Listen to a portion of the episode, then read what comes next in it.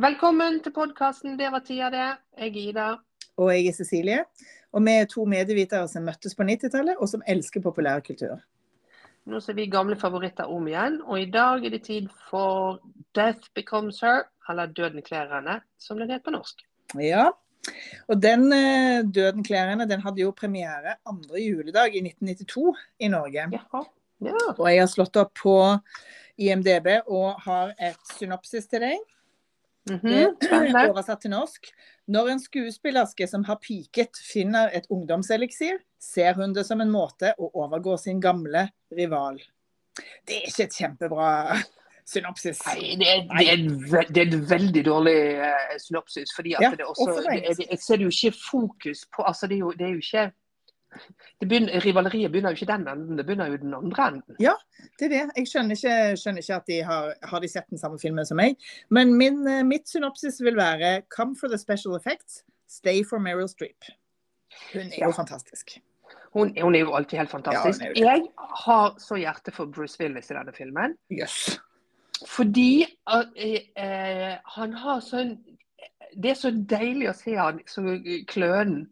Jeg syns jeg er så stas. Jeg har alltid vært glad i Bruce Willis. Eh, men ja, sant? Det, med hele eh, Die Hard, eh, det er lite smiling og det er mye kulhet og sånn.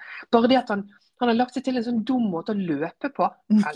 Jeg elsker, jeg elsker, det. At han er helt beige i alt han gjør, og helt ukul. Men- Han gjør, han gjør veldig mye ut av veldig lite her. Det, det får han si.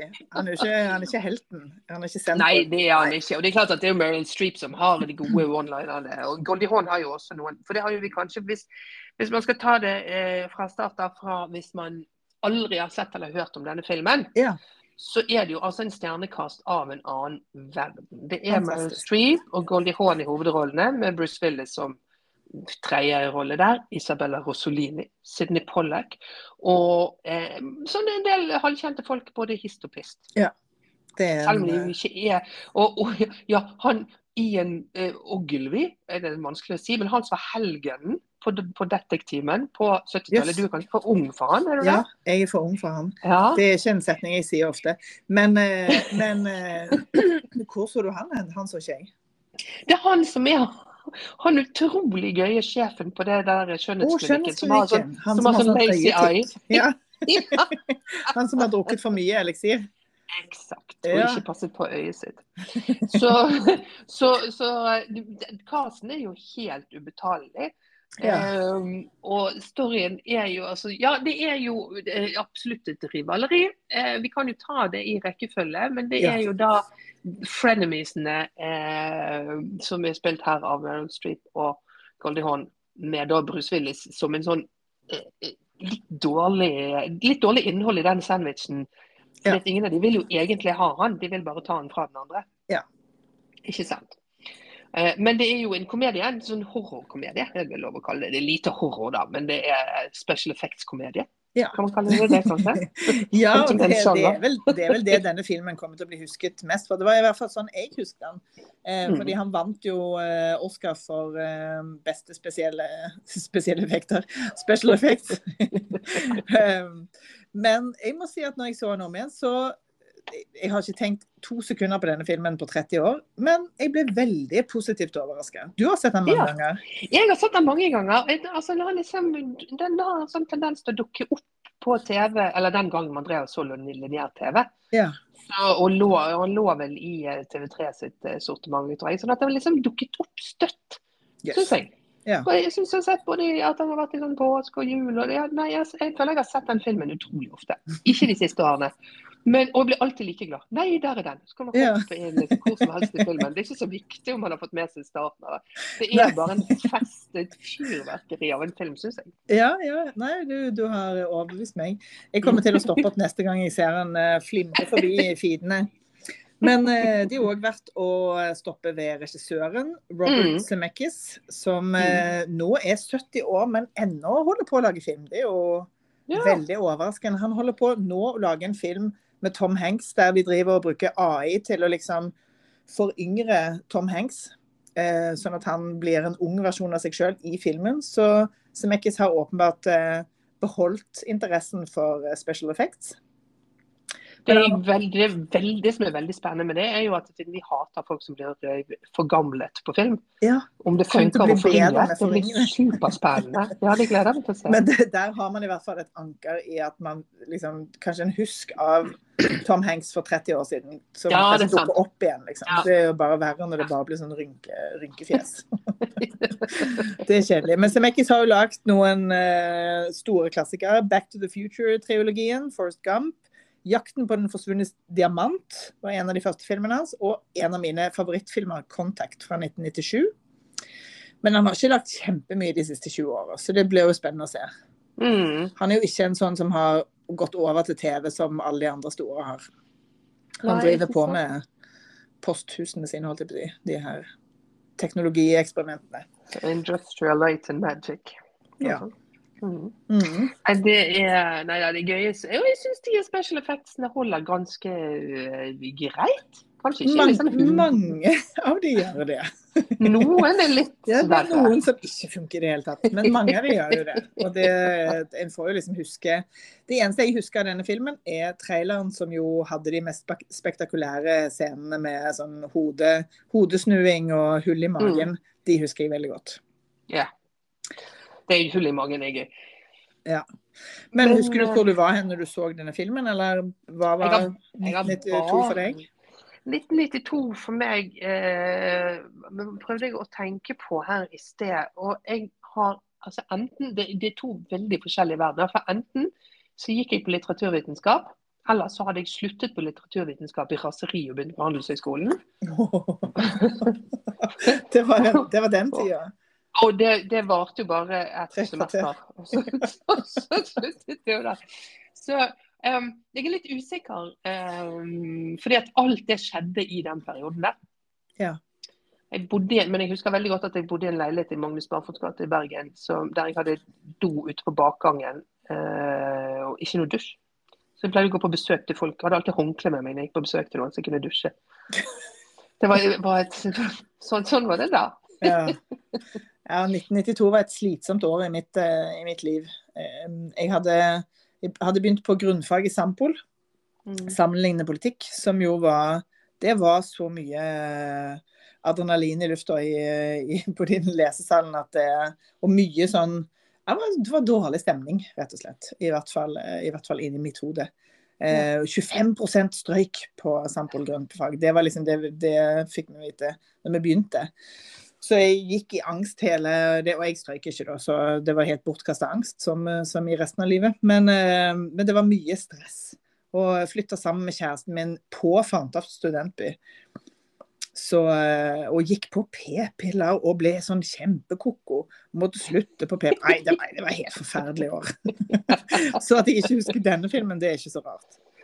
Nei, ikke sant. Og, det. Og det som jeg også tenkte på rundt med sånn, Hvorfor husker jeg ikke at jeg var, så denne på kino, eller noen andre på kino? egentlig, Veldig få filmer som jeg har sånn klart minne av. fordi at man gikk jo på kino den gangen. Nå, nå er jo, det har jo vært jubelår jeg går på kino. Men jeg var jo på kino to-tre ganger i uken Ja. i hele denne perioden. Ja, ja, for det var jo liksom billig og tilgjengelig kultur. Det var det en Ja. hadde råd til. Ja. Det var flott, det. Eh, Så hele den fra man liksom begynte å, å være mest med venner og ikke med familie, men ikke var ute og drakk, så var det jo kino flere ganger i uken. Og alt det var det eneste Det var jo ikke noe avansert dating som foregikk i gamle dager. Så det var jo òg bare kino, hvis man i det hele tatt var på noe date. Ja. og seinere òg, når jeg liksom flyttet for meg sjøl og, og var Nei, det var utrolig mye på kino. Ja. ja, det var Så- flere Og, ganger i uka. og så godt og dårlig. Ja, det var liksom ikke noe sånn Nå er det jo så innmari høy terskel for å gå på kino at det må jo være verdens beste film. Ja, Så stopper det. man helt en skikkelig opp. stor film. Ja. Ja, det er akkurat det. Men eh, skal vi, skal vi eh, snakke oss gjennom eh, denne Ja. filmen? ja, ja. Jeg har litt flere tanker, men det kan jeg komme tilbake til. Ja. Så gå i gang. Eh, veldig bra. Jeg har jo eh, Jeg kan jo bare si før vi akkurat før jeg begynner her nå, bare så man har det i bakhodet sitt. Meryl Mhm. Streep er 43, Goldie Horn er 47 Ja. på dette tidspunktet. Ja. Bare så man har det for seg. Og, det er men vent litt. Eh, Og Bruce Willis er 37. Det er ikke sant? Ja, det er gøy. Så han er forgamlet her på dette tidspunktet. Men det er jo en sånn fordel at han er sånn tidlig skalla, så det er sånn lett å gi han en hentesveis. Ja, Han gjør gammel bra. ja. Filmen er 1,39 lang, det er jeg veldig glad for. Jeg liker ikke lang film i det hele tatt. Nei. Uh, denne filmen går i gang med sånn en nydelig gammeldags intro. Den, den er, det er i orkester, og den har noe sånn 50-tallsaktig over seg. Yeah. Det er New York Skyland, som er litt sånn åpenbart Noe av det er tegnet, noe av det er liksom Den går over i litt sånn tegnet, virker det som på meg. da, Eller i hvert fall veldig, veldig forbedret. i og det er skarpe, klare farger. og Det kommer opp som plakat med New York 1970, Broadway 1978. er det kanskje Ja. det står.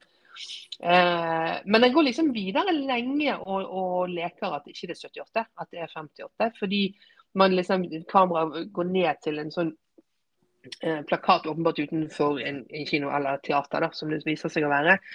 Så alt er veldig sånn skarpe farger, og det regner veldig sånn dramatisk. Folk kommer ut av dette teateret, og nesten alle de som kommer ut, har på seg hatt. Som også er veldig sånn 50-talls. Det veldig lite 78 over det. Ja. Sånn at de holder den gående veldig lenge. Og plakaten eh, kan jo være fra når som helst. Og den sier 'Madeleine Ashton in Songbird'. Um, og, det som, og så kommer det publikum ut der og snakker. Og, så, så man, sånn, og man tenker jo at stykket er ferdig, for det er så mange som kommer ut. Men nei da, det er det ikke. Dette er de som har rømt. Ja, eh, underveis. Ja. Så du bare hører de sier 'Jeg er så glad du sa vi kunne gå'. Og, sånn. og det regner og det regner, og det ligger en sånn plakat eh, eh, med Madeleine Ashton in Songbird, et program der, åpenbart nede på asfalten. Og der ser vi jo med en gang at det er Meryl Streep, som er Ja. da Madeleine Ashton.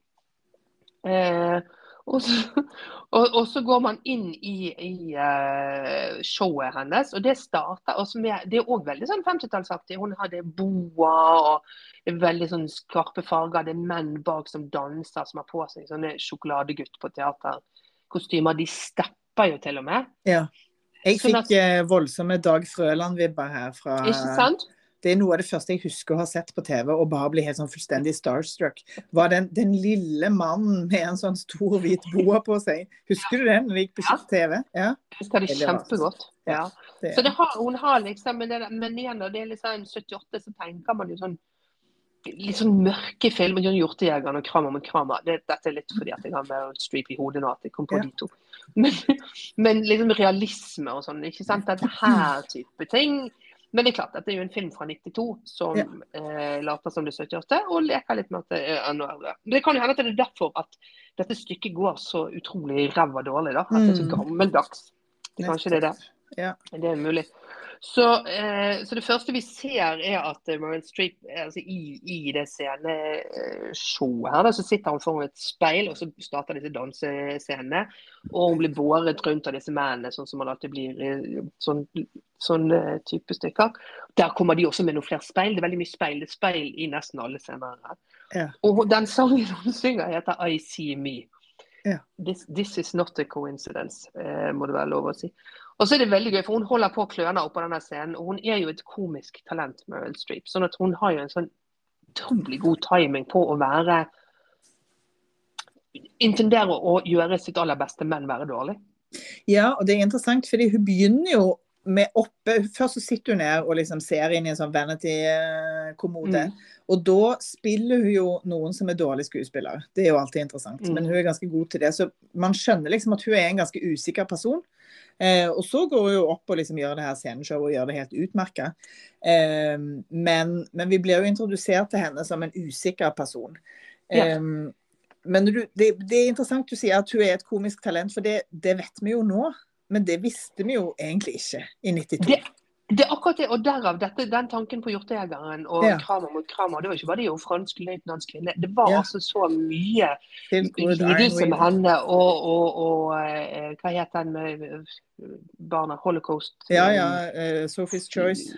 Sophie's Choice, ja. Ja. Sånn at, dette er jo åpenbart en del av Nå hadde hun gjort 'Hunndjevelen' her to Ja. år før. og jeg tenker at Meryl Streep må jo ha hatt en sånn desperat lyst til å si jeg kan ikke sitte og gråte i flere filmer nå. det går Nei. ikke.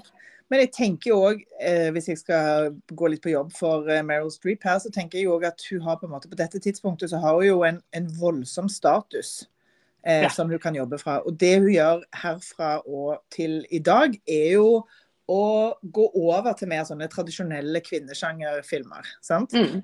Eh, og hvis en ser på Oscar-vinnerne disse årene, altså det året som, eh, som filmen ble lagt, og det året han ble premiert, så er det jo, det er jo typisk sånne I 92, når han ble lagt, så var det 'Silence of the Lambs' og Terminator 2 som var Oscar-vinnerne. Mm som tok mest. I 93, når, eh, når denne filmen får, får, special effects, så er det 'Unforgiven', en sånn Eastwood-western uh, som jeg hadde glemt eksisterte. Cry, uh, 'Crying Game', 'A Few Good Men', 'Howard's End', 'Scent of a Woman'. Altså Det er så mye ja. manneperspektiv. Det er filmer fra menns virkelighet, og det er filmer eh, med menns perspektiv. Og det er på en måte litt sånn maskuline sjangere. sant? Western og ja. Howard's End er vel kanskje den eneste som er litt sånn litt mm. feminint. Uh, mm. Uh, ja. Men det Meryl Streep gjør de neste 20 åra, eller de neste 30 åra, er jo å bruke sin posisjon til å løfte andre typer filmer. Ja, det er, dette har ikke jeg tenkt på, men for en fabelaktig innsikt det var. Det er jo, fordi Hun kan jo gjøre akkurat det hun vil. Ja, altså hun har jo vært et komisk talent, som du sier, i utrolig mye. Mamma Mia, Devils, uh, Devil Wears Prada, Julia Julia. En masse romcoms. Uh, og sjøl altså Bridges of Madison County er jo ikke, det er jo ikke, det er jo ikke et komisk talent. Men det er jo en, en, uh, en veldig klassisk feminin hva skal man si, fortelling. Både perspektivet ja. og, og, sjangeren der er, er mm. utpreget kvinnelig. Så jeg, jeg, tenker at vi her er inne i et slags skifte i hennes liv, der hun ja. både og som speiles av samtiden uh, for øvrig, så klart. Men, men, der denne type fortellinger får høyere status. Og det er hun absolutt en medvirkning, eller en, en, ja. en, en av de som medvirker til. Ikke sant? Kjempeinteressant. Og det er jo, jeg, jeg var inne og leste litt anmeldelser av denne filmen. og Den, den fikk ikke spesielt gode anmeldelser. Det er noen som syns det, ja, det var gøyalt og det var tøft med special effects og sånn. Men det er veldig mange som henger seg opp i at den er kvinnefiendtlig. Og, og, liksom kropps... Og, og, at kvinner blir bare fanget i, i kropp og utseende og sånn. Som, som, jo ikke, som jeg mener er helt insane, for de tar jo ikke høyde for at ja, men sånn er det jo. Dette er jo ikke den filmen her som skaper dette. Tvert imot, den sitter jo og, og, ser på det og eh, leker med det. Um, så um, jeg syns han fikk litt sånn urettferdig. Det er klart det er jo liksom grenser for hvor mye alvorlig, seriøs analyse man gjør av komedier. skal sies. Men, men all den tid jeg har den casten den har, og Meryl Streep der, så, så altså, syns han er litt sånn foraktfullt behandlet. behandlet. Fordi at, som du sier da, at uh, kvinnefilmen og et kvinnelig perspektiv Et kvinnelig perspektiv er jo nødvendigvis aldring, usikkerhet, kropp. Selv om det her nå er tatt liksom til elleve. Så, så, så, betyr jo ikke det at de tingene ikke er helt reelle, som, ja. som de snakker om her. Og jeg liker eh, En av produsentene bak RuPaul's Drag Show har òg sagt at disse to kvinnene de, er, de, spiller et spill som er rigget mot dem. Sant? Og det er mm. det som er på en måte den eh, innebygde konflikten her. Det handler jo ikke om han mannen som de konkurrerer om, det handler om at, at de er fanget i et, eh, i et spill som mm. er, er, urettferdig mot kvinner. Ja, absolutt. Nei, det jeg syns det er gøy, altså. Vi har jo snakket om Nå skal jeg snart komme tilbake til filmen, altså. Men ja, ja, vi har jo ofte snakket For jeg var litt nervøs når jeg skulle se denne nå. fordi vi har jo sett, jeg og du, en del filmer sammen der jeg er jeg er en ganske kørka seer. Hvis ikke jeg får sett mange ganger, så gjør jeg akkurat det produsent og regissør vil at jeg skal gjøre. Så, som gjør at jeg på en måte ikke jeg kan liksom blamere meg fullstendig med å gå rett i feller med å ikke mm, se eh, hvor de leder meg hen. da. Eh, så jeg var litt sånn redd for at denne filmen at jeg har drevet og syntes den har vært helt fabelaktig, og så er han helt fryktelig. liksom. Ja. Men det, det syns jeg ikke. Jeg var lettet over eh, det. Ja. Ja. Når jeg begynte å se den, så må jeg innrømme at jeg hadde litt det samme utgangspunktet som de kritikerne. og tenkte liksom, ah, man, er så, man, er så, lei av å se kvinner være slemme med hverandre. Men her gjør de jo De tar det jo til et helt annet nivå. Både overdrivelsesmessig og som, som du sier, det er jo en kritikk innebygget i filmen. Absolutt. Ja. OK, la oss komme oss tilbake inn til filmen. da. Vi er fremdeles omtrent på uh, title-sekvensen, så vi må uh, oss videre. Tilbake til filmen. ja. Og det som skjer her, mens Meryl Streep holder på uh, og danser i vei uh, med disse mennene på scenen, så går kameraet ut og bak i salen, og vi ser publikum som fortsetter å gå, og alle hater Og der finner kamera Bruce Willis og Goldie Hawn, som er altså det beigeste paret i Ja. verdenshistorien. Det Ja. er altså så deilig. Fordi, og de har gjort det så beige. Det er så jævlig gøy. Ja. Og det vi, vi ser her, er at eh, hun ser på han litt sånn bekymret. Han er helt fjetret av Meryl Streep oppe på scenen der, og ja, Madeline der, som hun heter. Og så she's sensational. Og Goldie Hawn blir mer og mer bekymret. Vi vet jo ikke helt hvorfor. Hun er jo bare sjalu av natur. Hva er det som skjer her? Vet Ja. Men de ender opp backstage. Og det som er helt sånn åpenbart etter hvert her, er at da eh, eh, Goldie Hawn, som har spiller Helen, er en venninne av menn fra gamle dager. Ja. Jeg skal bare skyte inn her at eh, som i tråd med det der med litt sånn kvinnelig måte å fortelle på, så et, subtilt eh, spor her er jo at hår er faktisk en egen eh, stemme i denne fortellingen. Fordi vi blir jo, disse karakterene blir jo satt med håret sitt Mm. umiddelbart. sant? Eh, Meryl Streep sin Madeline har jo et fantastisk vakkert blondt sånn poofy hår, sånn 80-tallsaktig.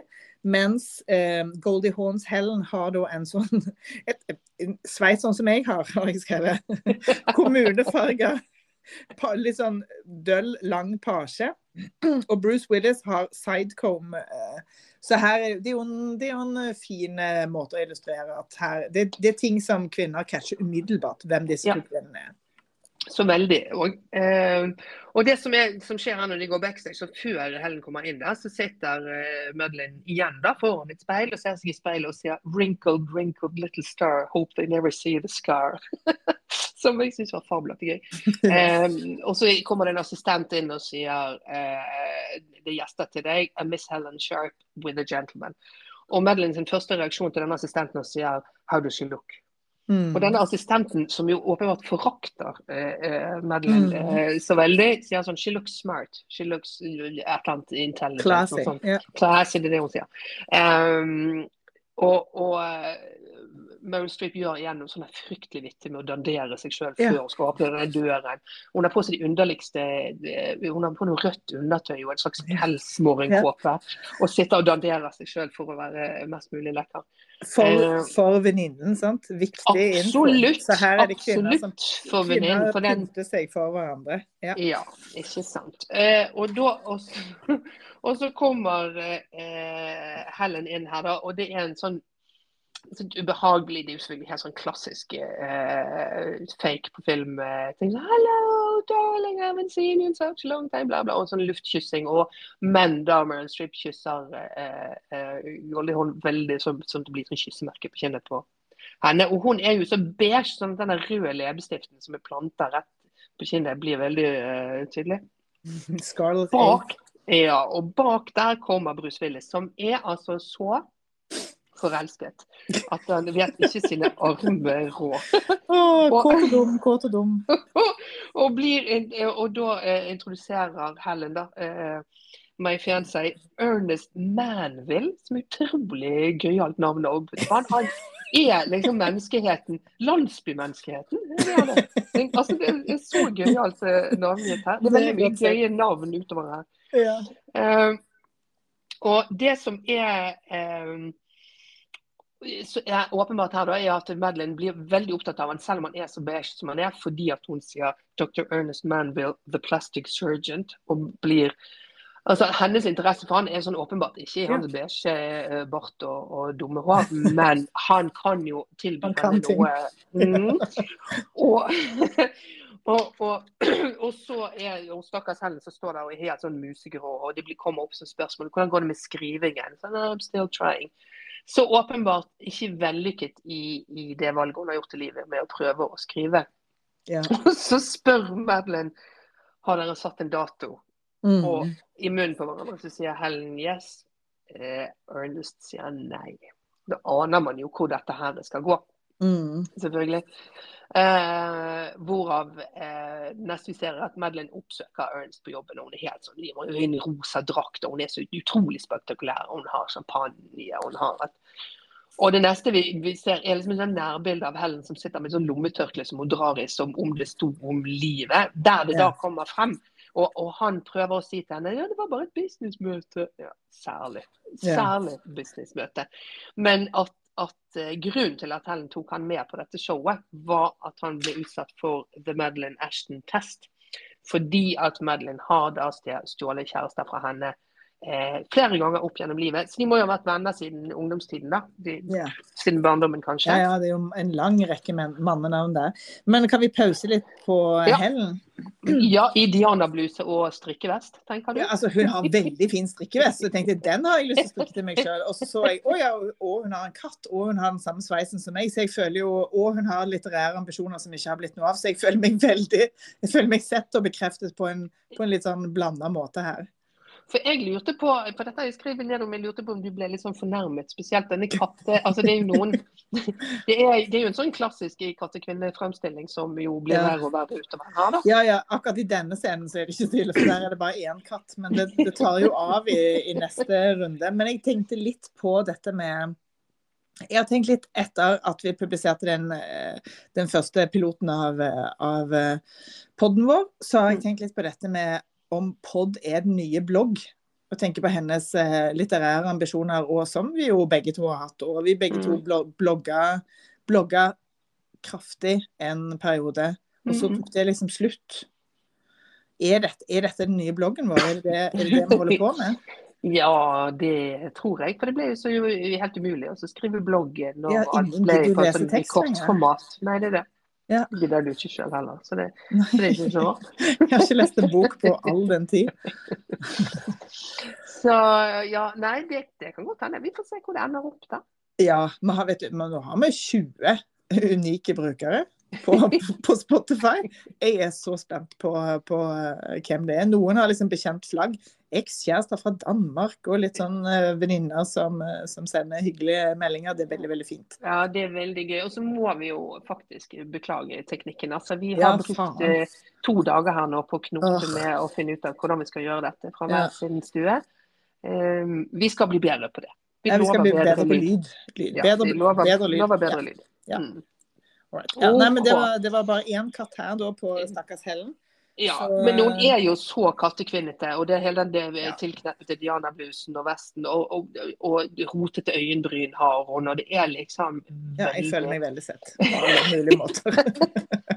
Nei, jeg ble, jeg ble ikke fornærma, men jeg, ja, jeg kan bli litt, sånn, litt sliten av hele denne kattekvinne-klisjeen. Mm. Men, men dette er jo en film som tar, tar ut svingene, sånn at når vi møter Helen eh, snart med flere katter, så, så er det helt i tråd med resten av filmen.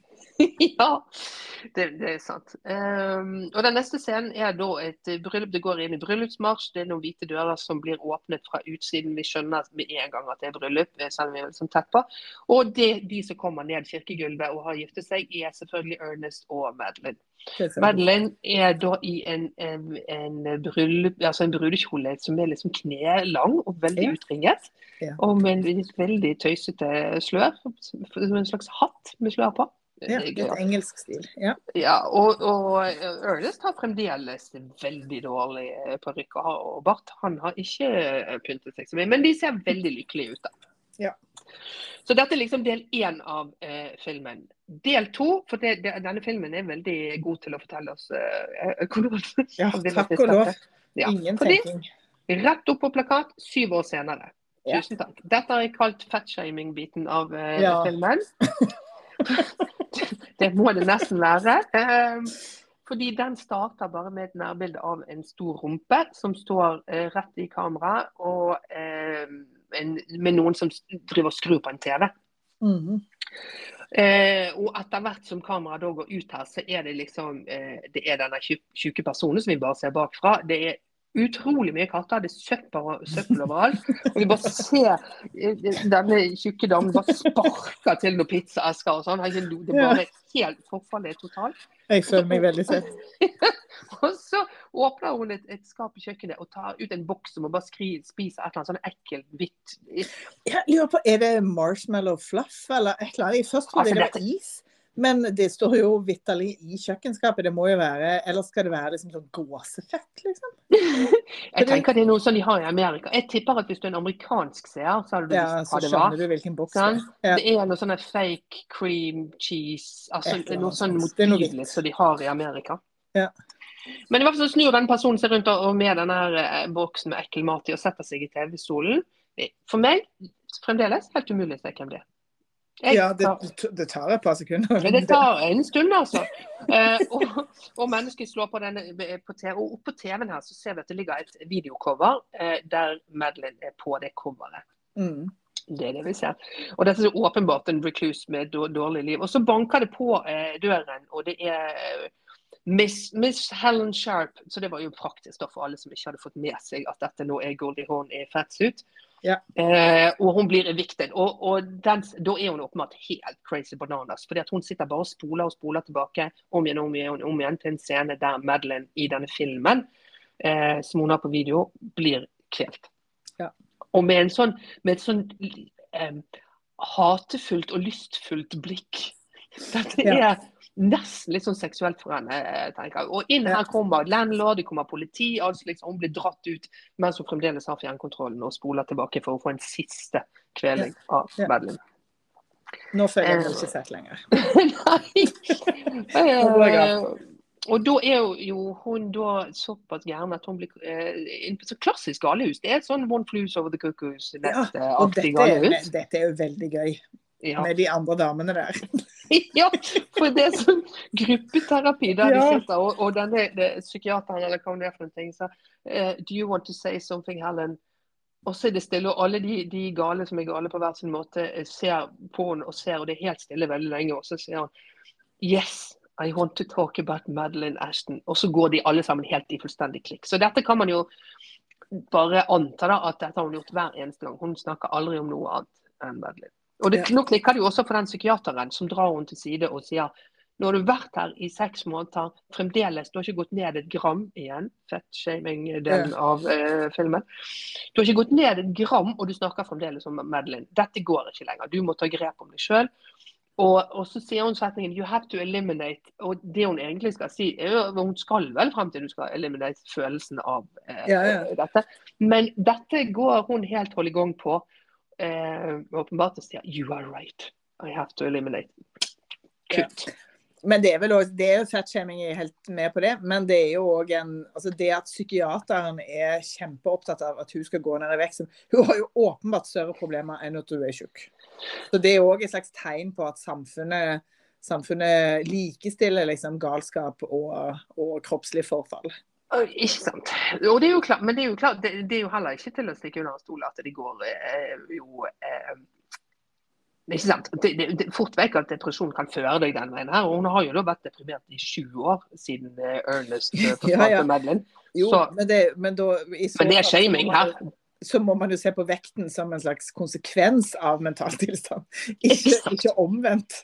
Hvis du hadde gått ned et, et, eh, et, eh, pound, så hadde du vært bedre. Liksom. Det, det er jo ikke hennes eh, hun psykiateren er ikke god, ni. rett og slett. Men dette er jo presentert som et sånn uh, uh, Dette er jo ikke, tenker jeg, som en psykiatrisk institusjon som Det er jo en sånn skrekkinstitusjon som Ja. her er brukt til komiske effekter. Korrekt. Eh, OK. Og da er denne deilige filmen eh, såpass grei at den nå sier eh, syv år senere Ja, det er veldig deilig. Supereffektivt. Så nå er vi jo eh, 14 år etter starten her. Og vi, eh, da eh, det kommer en sånn her eh, delivery van opp til et hus i Beverly Hills, for det står også på en plakat, sånn at vi blir liksom ledet veldig fint igjennom her. Ja, Det syns jeg er så deilig. Ja. Eh, og det er sånn stort Beverly Hills-hus. Eh, og vi går da videre inn i huset med en hushjelp som kommer opp en sånn eh, kjempetrapp.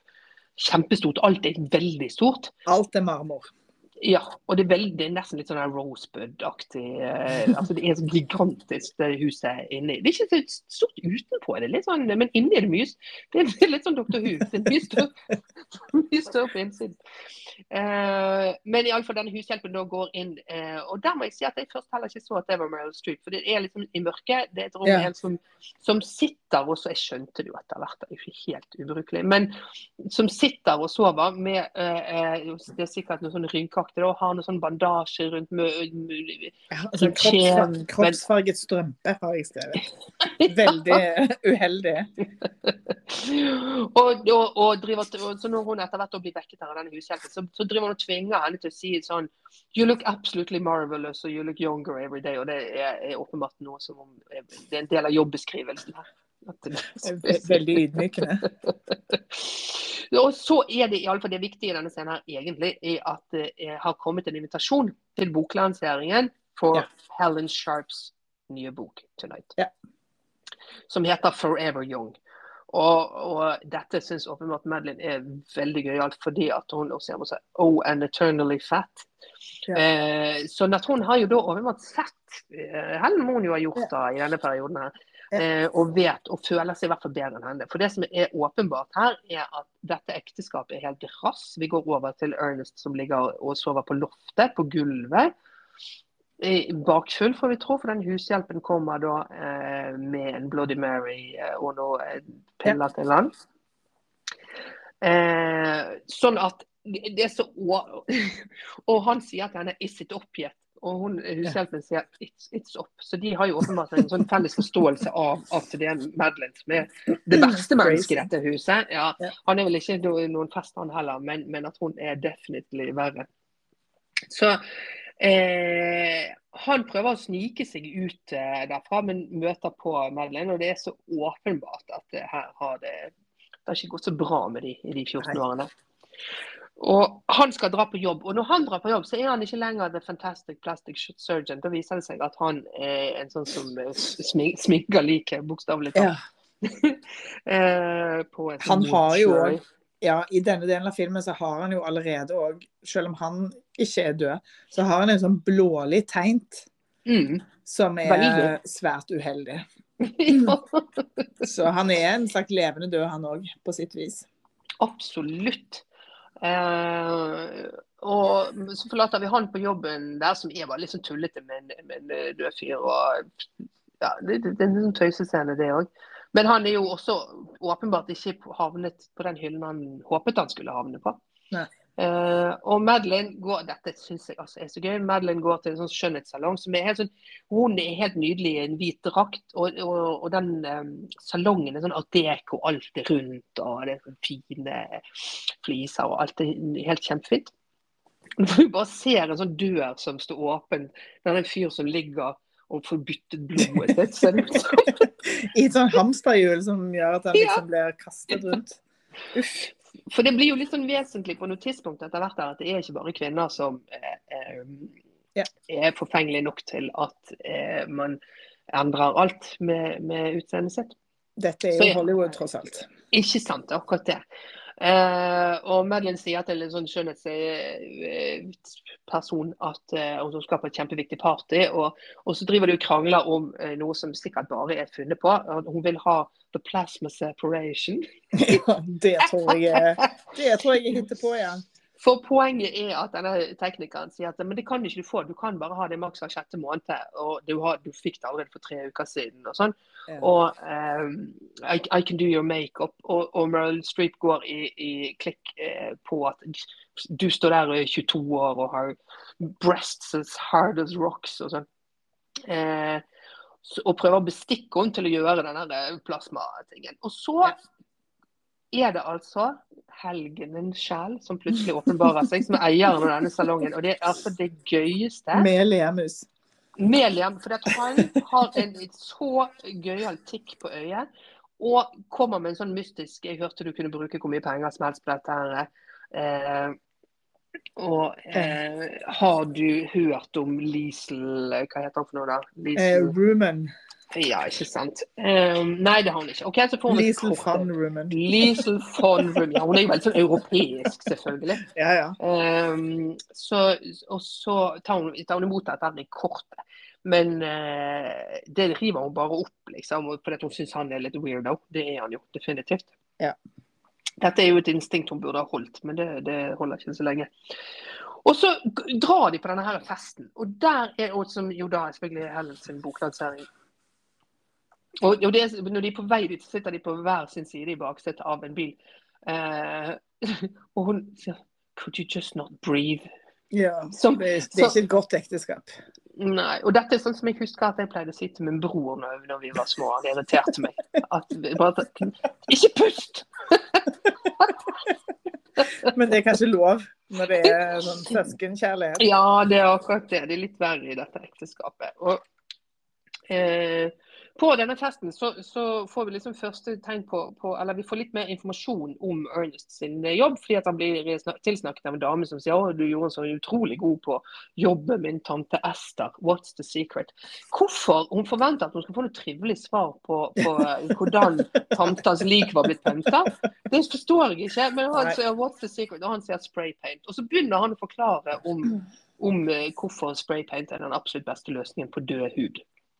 Og Ja. hun ser ut som himmelen har falt ned, og at han har sagt det mest motbydelige i hele verden. Dette får hun takke seg sjøl for. Altså, så idiotisk eh, å spørre om det. Så i alle fall, så eh, er Ernest, Ernest og, Madeline til Have you seen her yet? Og, og ser åpenbart etter Helen. De ser en dame bakfra som er tjukk ennå. Har ikke helt forlatt fettshamingen. Så, og, og, og Madeline ler liksom veldig beroliget og sier å, ja, der, ja, kanskje hun har tatt av et par pund. Liksom.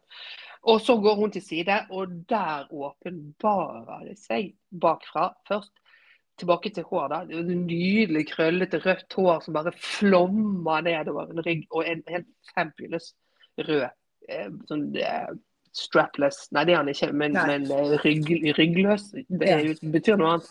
Ja. Men i hvert fall en helt fabulous kjole På en Og- tynn kropp. på en veldig tynn kropp og snur seg, og det er altså Goldie Hawn på sitt mest Goldie Hawnete. Kjempenydelig og sjarmerende. og så Hun er snart god på det. for ja, hun veldig god på det. Ja. Eh, og, og Madeline vil bare dra umiddelbart. Men Ernest, som den fekkleste mannen han er, nei, han må snakke med henne. Da, da er jo den helt reversed, plutselig, Ja. den eh, rollen hans. Nei, da, nei, da skal jo henne. Mm. Og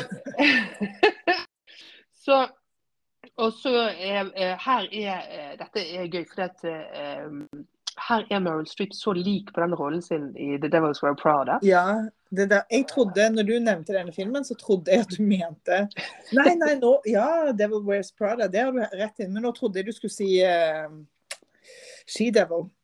Ja, Ja. Nei, men noen har det der hvite håret Ja, ja, og, sånn, og sånn Ja. hvit drakt. og- Altså, det er liksom veldig det der er hvite og svarte med røde lepper som eh, Ja, Devil's Wear Prada holder på med hele tiden. ja, ja. Men da har vi en revers av denne her eh, klemmen eh, med sånn luftkyssing, og, og nå er det Goldie Hawn som plasserer sånn rødt kyss på Merlin. Eh, og de har og de har sånn I can't believe it, you look so good. Og de bare sier sånn ljuging. Eh, som er Hun bare klarer ikke å holde seg. You have a waste. Ja. De, altså, de subtile digsene de kaster.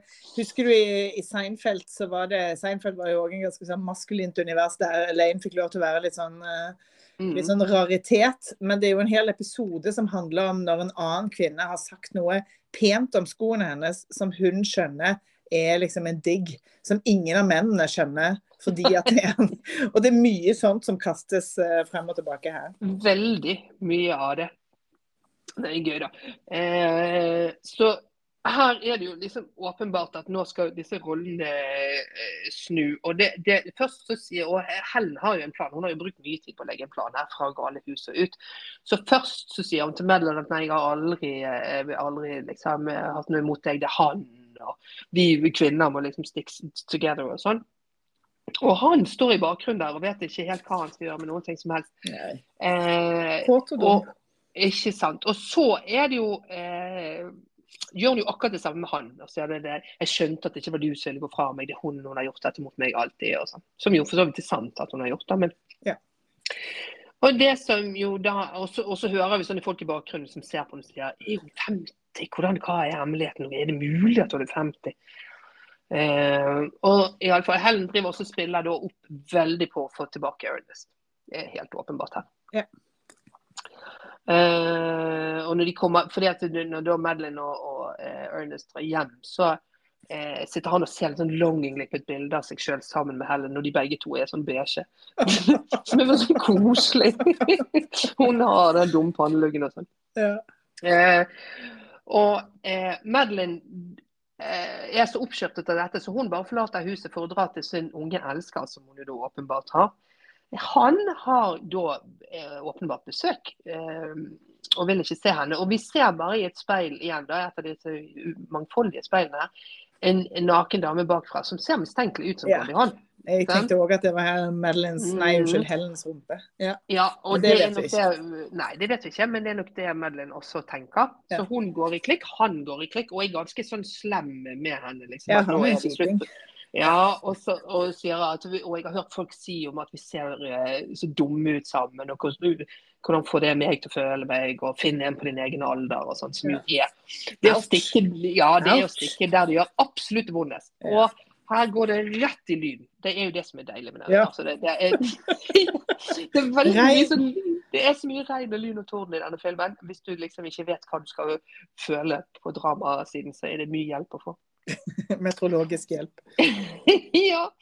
Og det er kjempedramatisk musikk, og det regner dødsmye. Hun kjører, og vindusviskerne klarer ikke ta unna, og hun gråter, og det er liksom superdramatisk. Og så stopper han bilen, tømmer vesken sin, og der, blant alt mulig annet ræl, dukker dette kortet som hun egentlig rev opp, til Diesel. Og eh, det, Da drar hun, kjører hun til et sånn fabelaktig hus. Det ser alt ser ut som en Rocky Horror Picture Show ut her. Fordi Ja. at også fordi Ja, unnskyld. Nei, nei, nei, nei, det er bare helt fantastisk. Det er marmor overalt. Ja. Og det, er sånn, det blir nostalgisk for meg, fordi jeg da tenker på Sverige, som jo har marmor overalt. Sånn er det her. Det er et svensk hus. Ja, det, det er gøy at det er svensk. Og det som jo da er, og, det er liksom en sånn mystisk halvnaken mann med langt hår og i sånn veldig ekle aerobic-klær. Ja. Dårlig kledd. Som åpner og sier 'she's expecting you' og sånn. Så alt, alt, alt, det har noe sånn litt sånn Dracula-aktig Rocky Horror eh, altså det, er, det har den modusen over seg, med god grunn, da. Ja, ser ut som Eh, Fabio, han fyren, syns jeg. Veldig ut som Fabio. Eh, og det dukker jo opp en, i hvert fall minst én til av disse mennene. Liesel samler for de. Ja. Her har, dette må jeg bare skyte inn før jeg går videre. her, at Her har altså eh, Madeline eller Meryl Street har på seg den mest sexy hettejakken jeg har sett i mitt liv. Dette er ikke en grå Nike-jakke på noe tidspunkt. Den er så fin. Jeg fikk så lyst på den. Ja. Eh, og den kommer til sin rett senere, fordi at den er ganske sånn klingy. Kanskje du skal Eh. ha den på deg når du gifter deg. ja. I alle fall, da. Her vi, får vi endelig åpenbaringen som er Liesel, som, som sitter selvfølgelig med ryggen til og ser inn i en peis og snur seg og sånn. Som, alltid, som har litt sånn gammel eh, skrekkfilmaktig av seg. En naken Isabella Rossellini bare eh, er, er som en åpenbaring av Altså, en hun er så flott. Hun, er, hun har liksom Hun har klistra et kjempestort smykke som akkurat dekker brystene og ja. ja, hva, hva har hun over eh, liksom, kjønnsdelene? Er det smykke der òg? Nei, det er noe sånn slags tørkle eller Ja. lendeklede. Ja, det, hun er som The Blue Lagoon. Hun er begge Hun er karakterene. Hun har håret til Brooke Shields over puppene og lendekledet til eh, Christopher Atkins. Litt mer sofistikert, får vi tenke. Men hun er sånn egyptisk, europeisk, hun er sånn eksotisk. Eh, Ja. Veldig, veldig, veldig, veldig, og snakker med litt aksent, ikke sant. Hun, hun, Eh. hun har òg som vane hun, hun bor aldri noe sted hvis det ikke er vår der. Hun bare flytter rundt. I follow the spring, sier hun. Så hun er veldig avansert. Ja, hun er så avansert. Og hun er altså eh, da eh, Her krystklipper kryssklipper filmen Ja. eh, til, til eh, Helen og Ernest som er hjemme hos Ernest. Det tror jeg egentlig vi kan bare hoppe litt, bitte grann bukk over. Men i hvert fall poenget i den scenen er at Helen skal få Ernest med på å drepe Madeline. Ja. Og så kan de to være sammen. Det er en veldig gøyal for øvrig fantasiscene der ja, der hun snakker om hvordan hun vil at de skal gjøre det. Og så blir det spilt ut på eh, kamera, som er veldig vittig og overdrevet. De, de skal eh, bl.a. få politiet til å tro at hun har bare drukket for mye og kjørt uh, ut av et stup. og så hun har ikke bare drukket litt for mye, det ligger sånn 40 vodkaflasker i forsetet. Altså. Det er kjempegøy. Ja, det er veldig fint. Det, så dette er sånn innblikk i Helen sitt hode, tenker jeg, hvor Ja. hun er henne i sin galskap. Men, Ja. men vi bør ikke gå så nøye på det, på det, for det er mye gøyere med livsstil her. Og eh, der eh, har hun da også holder om en sånn, Det er mye sånn spil om i en, eh, i en verden som er så obsesst av eh, å være ung, og vil du virkelig se ditt eget forfall, og jeg kan også gi deg en, eh, en vei ut, liksom. Yeah. Og, og, og sånn How old do you think I am? Og, og hun sier jo nydelig Isabella Rossellini, så sier hun at hun er 71. Yeah. Eh, og det er jo veldig tiltrekkende, selvfølgelig. Det får man si. Eh, Hun er jo òg helt, jeg er helt obsessed av Is- Isabella Rossellini helt generelt. Hun er altså noe helt eget, rett og slett. Kan jeg bare si her òg at alle disse tre kvinnelige skuespillerne, eh, i hvert fall Isabella og, og Meryl, har jo eldes med veldig stor verdighet i Hollywood. Ja, Goldie syns jeg òg har klart seg bra, men hun er jo åpenbart litt mer sånn puffed enn uh, perched. Men alle tre har egentlig ganske fine, gamle ansikter. de har ikke gått for en Priscilla Presley, Nei. noen av de. Nei. Eller Madonna. Uff, Ja. jeg orker nesten ikke snakke om. Nei, men det er jo en del av dette, det òg. At, at du er vi, vi elsker å kritisere begge deler. Vi elsker å kritisere at de ser gamle og Mm. tjukke ut, og vi elsker å kritisere at de har gjort noe med det. Ja, ja. Så det er it's a, it's a game that's rigged. Eksakt. Det er nettopp det det er. Sånn at hvem kan blame Ja. en, eh, et menneske i Hollywood, eh, ikke Nettopp. minst her, Ja. som, eh, som stakkars Madeline. For det, at det som Liesel har, selvfølgelig, er en potion som er magisk. eh, In, in a world obsessed with uh, technology. er er- dette er magi. Og det er jo på toppen altså Bare for å liksom gni det inn, så er det jo et basseng her der, der over hodet på de her nå er eh, Michelangelos er eh, Gud, Gud and, and yeah. man, liksom. Yeah. Så hun, hun gir liv eh, bare på en litt annen måte. Ja. Fordi denne potionen er da eh, eh, Den gir evig liv. Så Madeline er overbevist etter at hun får liksom litt på et eh, sår på hånden, og så får en nydelig hånd, og hånden ved siden av. Helt, det er veldig rart, for hvis de skal være rundt sånn 50, at hun har så Ja, leverflekker. Og, ja, det var veldig pussig. Men- Men, i alle fall. Ja, men dette er jo en av de special effektene så klart som de har lekt seg med med hud. eh, Og det, det, her, dette er veldig fint gjort, syns jeg. Så eh, det som eh, Og så får hun sånn- litt sånn instruksjoner der selvfølgelig fra Diesel, for det er jo ingen magi uten bakside. Mm. Eh, sånn at du, du kan fortsette karrieren din i ti år med uforandret skjønnhet. Etter det så må du forsvinne. Ja. Da må du gå under radaren. Du kan fake at du dør, du kan liksom Det, det er liksom mange løsninger på det, men du kan, da må du bort. Ja. Og så må du eh, ta godt vare på kroppen din. Ja. Men eh, også refererer hun jo til en tidligere kunde av seg som har sagt I just want to be alone. Og da vet man jo hvem det var. Det var jo Greta Gabo. Eh, og Ja. da havna jeg sånn jeg i en Greta Garbo-hull i internettet, og så måtte jeg sitte og lese om henne kjempelenge. Men det er jo òg veldig knytta til eh, til filmens tema. fordi det er jo det som er djevlepakten her. Du kan få evig skjønnhet, men prisen for det er ensomhet og isolasjon. sant? Ja. Eh, og det, det er jo helt fryktelig. Og det har man jo tenkt med Greta Gabo veldig lenge.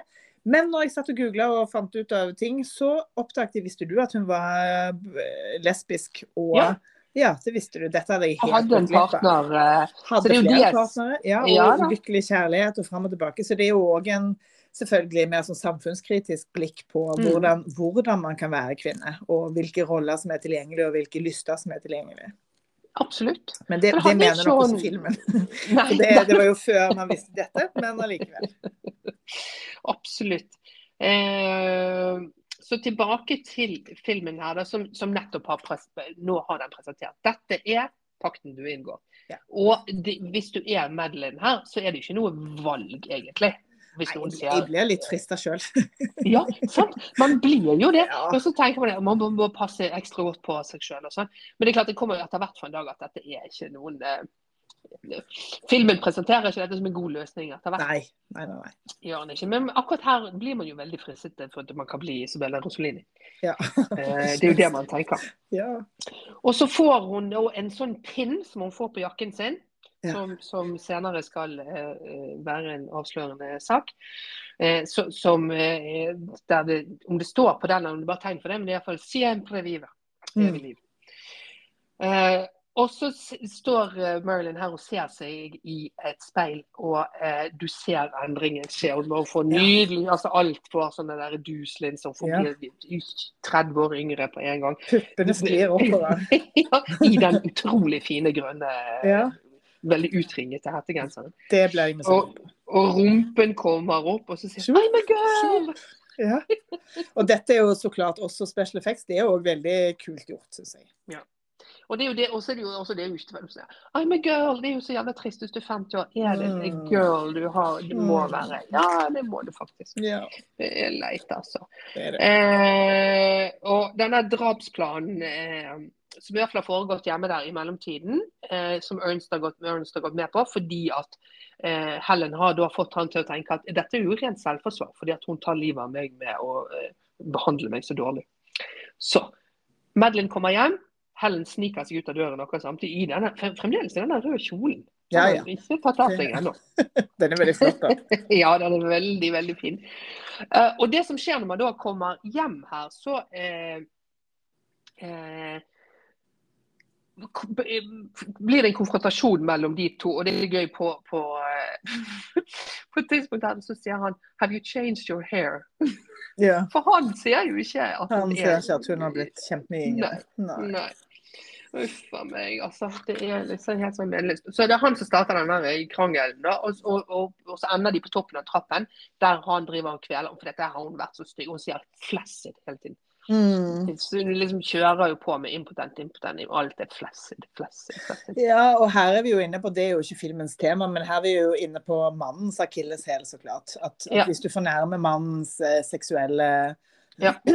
prestasjoner eller virilitet, så, så er det tilsvarende som å fatshame kvinner. Og det som bare da er, det er jo den her eh, vante greien at, at menn er redd for at kvinner skal le av dem, og kvinner er redd Mhm. for at menn skal drepe dem, fordi eh, den, den ærekrenkelsen, den klarer han jo ikke. Så han ender jo opp med å dytte henne ned trappen. Eh, og eh, der ligger hun med alle kroppens deler i alle mulige vinkler. Så der ligger hun. Han er helt sikker på at hun er død. Ja. Ringer Helen, som blir rasende, som sier men dette var ikke planen. Jeg trodde jeg forklarte planen. Det var ikke sånn det skulle være. Og hva tror du politiet kommer til å si at ikke du ringte politiet først? at du ringte Ja. meg først? Er du, hvor dum er du egentlig? Ja. For det var jo ikke dette hun hadde tenkt. Og det som er veldig Mens denne telefonsamtalen pågår, så ser vi plutselig i bakgrunnen veldig Det er jo veldig ute av fokus, men vi ser at Madeline begynner å bevege seg og reiser seg opp. Og du kan se at her er det mye rare vinkler og, og sånn, men hun er jo ikke i fokus her. Så Nei. det er en sånn monster som reiser seg i bakgrunnen Ja. her på et vis. Eh, og, og det er så vittig. Og så kommer hun plutselig opp og så snakker til Ernest, som jo da er helt overbevist om at han er død, så det var jo stress. You pushed me down the stairs! Og da har hun eh, hodet eh, i 180 graders feil vinkel, så hun ser Ja. bakover. I can see my ass. Ja. og det, det er jo da den en av de mest spektakulære Ja. effektene som, eh, som denne filmen har å, å eh, vifte med. Eh, og den gjorde de da ved å, å filme Meryl to ganger. Kroppen hennes, hodet hennes. Og så har de en CGI neckpiece som de da har på en måte joinet de to bildene med. Eh, og her Dette funker jo ikke kjempebra. Nei, det gjør det ikke. Det er jo ingen av oss som vet hvordan det ser ut hvis du vrir et hode 180 grader rundt. Men mengden av løs hud som ligger som en sånn eh, liksom, høvdingsykkelhjelm rundt nakken hennes, eh, føles ikke Jeg kjøper det ikke helt. Det, det, holder, det tåler ikke tidens tann. Nei. Det er som en litt sånn, sånn første sesongmonster i Buffy, der de ikke hadde noen penger. Der, så, så du bare må bare overse Ja. at monsteret er veldig dårlig. Ja. Men iallfall, det er liksom det er gøyalt. Og, og eh, eh, de drar til sykehuset, for det vil jo være første reaksjon. Og, og nå er jo også eh, Ernest er jo lege, så han Ja. You have a dislocated neck. Jeg har ikke hørt om det før, men det må jo finnes. For dette, dette er det jeg ser. Dra til sykehuset. Der kommer gøyalt nok Synne Pollock. Ja, Ja, jeg liker han så godt. Jeg òg gjør det.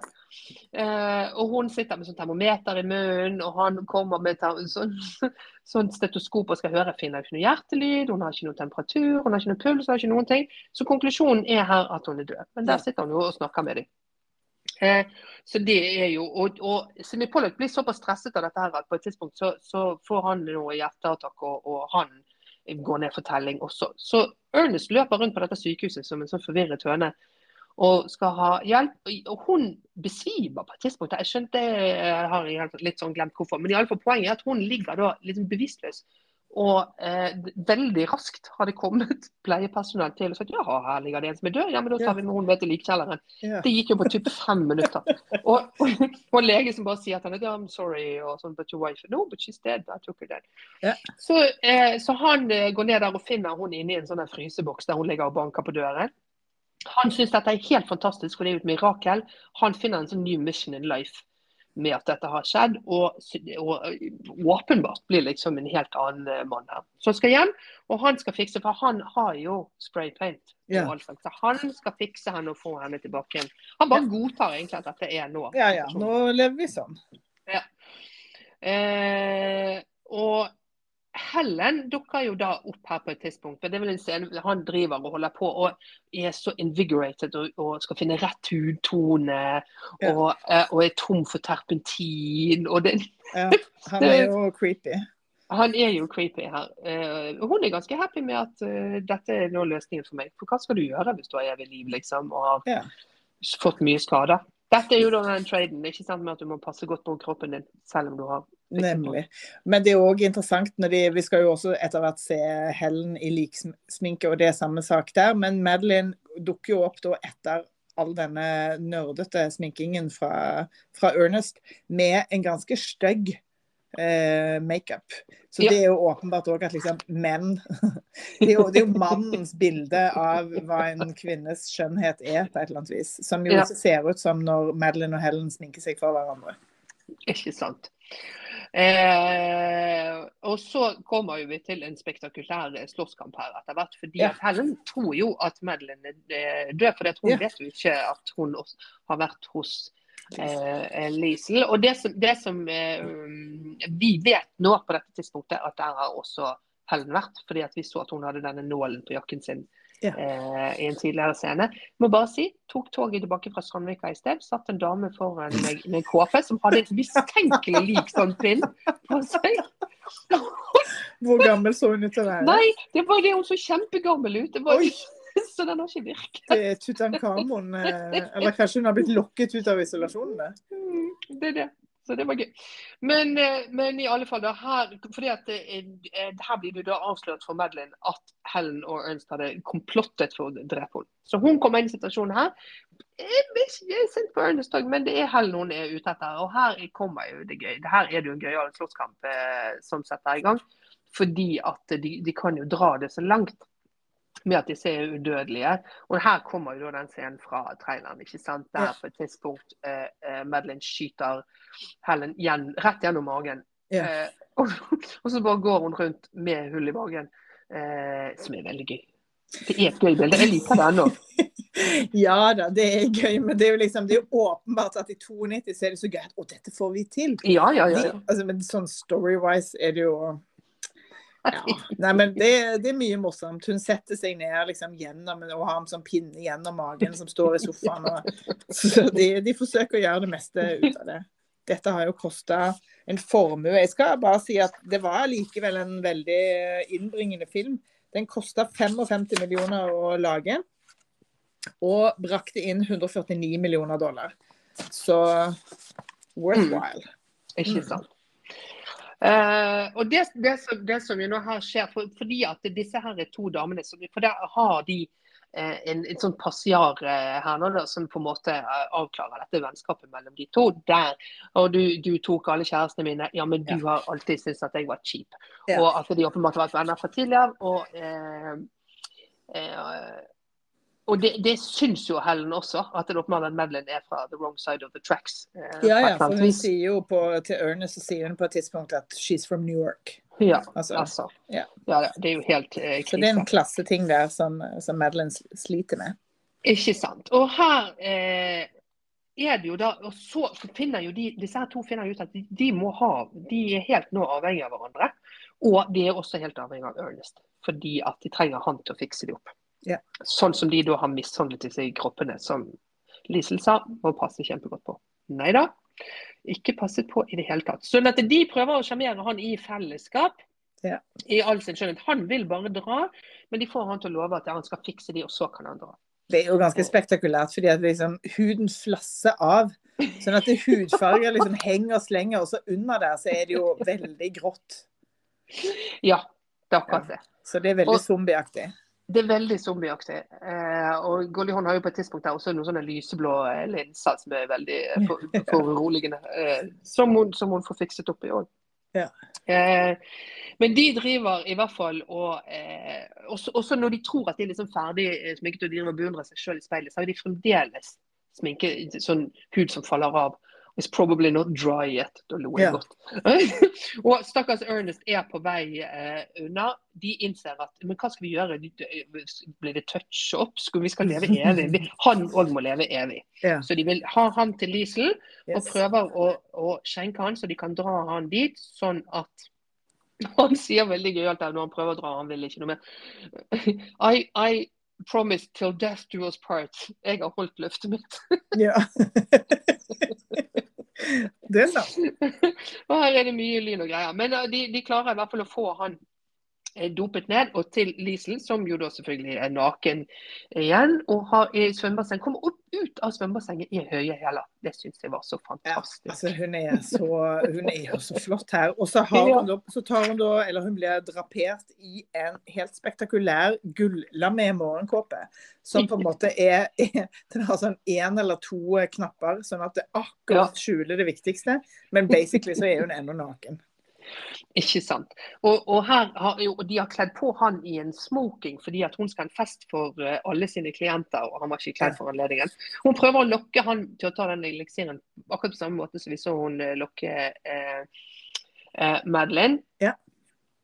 Han lar seg jo ikke friste, for han er jo mann. Han har ikke det behovet for å måtte ha evig skjønnhet, åpenbart. Og han innser mye fortere at skal jeg sitte her alene, og hva hvis jeg kjeder meg? og hvordan skal... Nei, dette er jo helt idiotisk. Ja, ja, pluss henge med, med de der gærne kvinnene. Ikke sant. Altså, ja. ja, det er akkurat det. Skal, skal dette være livet mitt? Ja. Never. Så han tar denne her eh, eliksiren og løper av gårde, og, og ender da opp i denne, inn i denne festsalen. Ja. Som jeg må jo si altså, er en fest av en annen verden. For her dukker jo altså James Dean, Elvis, Marilyn Monroe, Jim Morrison, eh, eh, Andy Warhol Altså det er liksom alle de som liksom Alle som har faket sin død. Ja. Ja. Å, det er så gøy, altså. Og så ender jo dette her da med en forfølgelsesscene der eh, Helen og Madeline ser han og prøver å få tak i han fordi de er så desperate at han må leve evig. Ja. Og der han er, Dette syns jeg var så gøy fordi at han rømmer det ut på et tak og han må klatre på noen sånne eh, hva heter det, sånne ting, sånne rør ting, og som selvfølgelig er i ferd med å falle. Det er alltid sånn actionfilm som du er vant med å se Bruce Willis i, men han oppfører seg helt u-Bruce Willis. og, er bare, og, og er liksom sånn Ja, det ligner vel kanskje mest på 'Moonlighting', som jo òg Ja. var en ganske sånn komisk mm. eh, halvaction-greie. Jeg syns òg det er gøy at han blir jo eh, da jaget av eh, Liesels Dob Dobermans. Og av hennes tre hjelpere, Tom, Dick og Harry. Ja, det Det er lo jeg veldig gøy. Men i alle fall mens disse her to, to eh, eh, hans, om du står og, og sier 'drink, drink, drink', fordi at det, når han henger helt sånn precarious. Over, eh, og hvis han faller ned, så dør han. Så de vil at han skal drikke den og prøve å lokke med. Men du dør hvis du faller ned. Ja. Så kaster, han kaster han den eliksiren, og han faller ned, men han fyker gjennom et glasstak, som er det glasstaket med det Michelin-flo. Ja. Eh, så nå er, er altså livet knust her. Eh, og ned i det bassenget som hun svømte i i sted. ikke sant? Sånn at Ja. det, han overlever, det er jo veldig usannsynlig, men det, gjør er det, det, det har ikke jeg noe stress med i det hele tatt. Eh, og eh, da begynner og så, og så sier Liesel at de må få han tilbake. Eh, Ja. Og da har de begynt å flasse. Og så er det altså De, de trenger han så vel, veldig, veldig. Og ja, da henger de- de slenge slenger sånne hudfiller som avslører Ja. den grå kroppen under. Ja.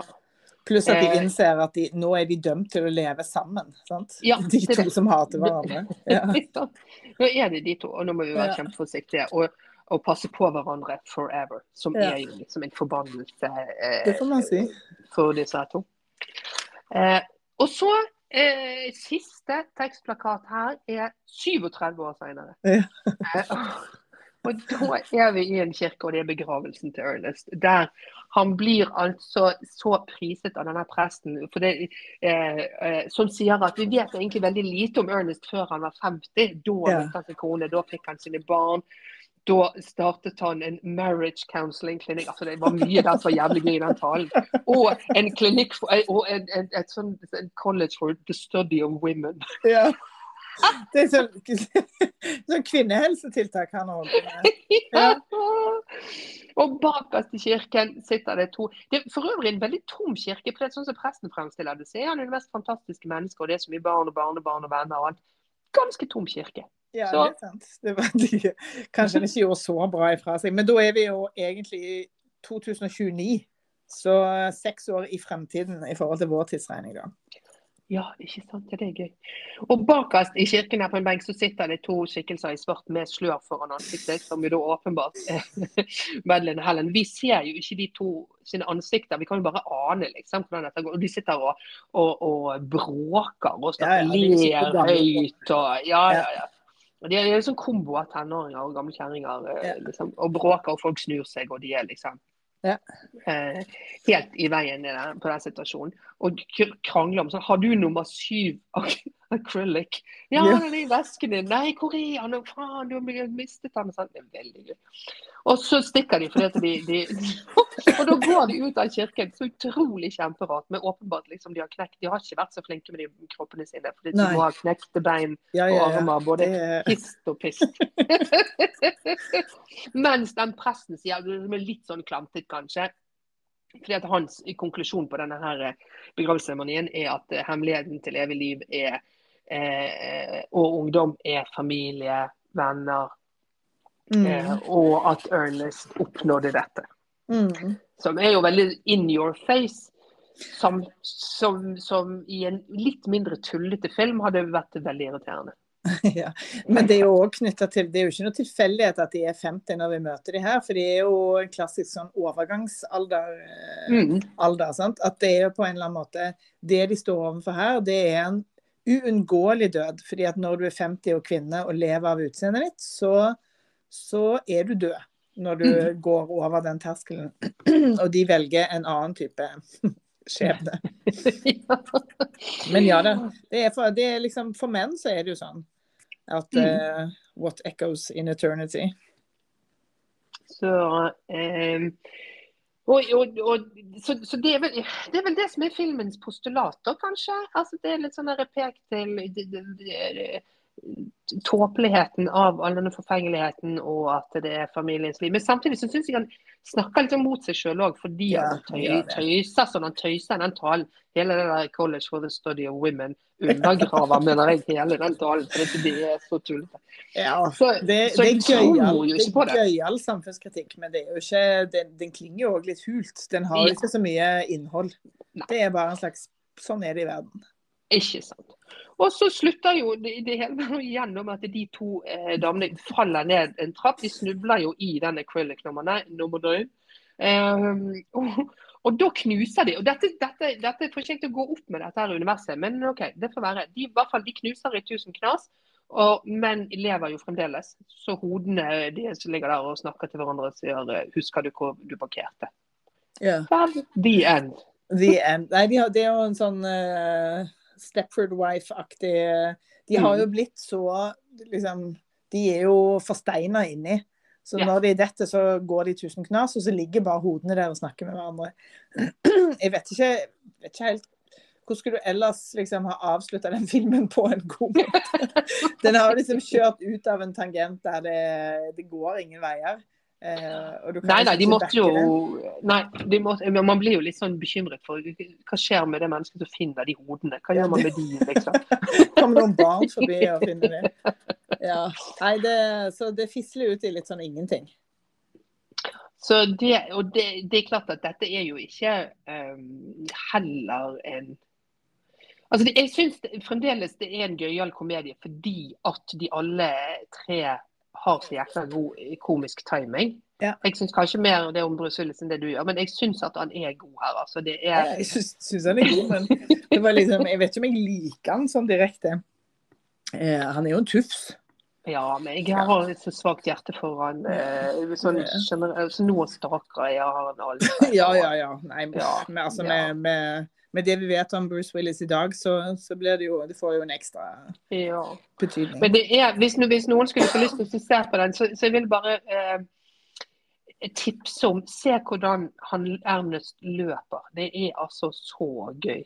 Jeg må se den Eh. om igjen med en gang, for å se før, før iTunes rental-tiden min går ut. Så må jeg se på hvordan Ernest løper. Det eh, er så gøy. Men tror du, at, nei, tror du at den Mhm. samme type kritikk kunne ha vært eh, lagt i dag på samme måte? Den føles jo ganske datert. Ja. Um, Sannelig om jeg vet. Uh, og jeg lurer på også hvem som kunne gjort det, eventuelt. Eh, Ja, det jeg ville ha sett, hvis denne skulle ha blitt remade, så ville jeg jo nå Det fordrer at Nora Ephron eh, tok The Potion før hun døde. Hun så jo ut som en som hadde gjort det.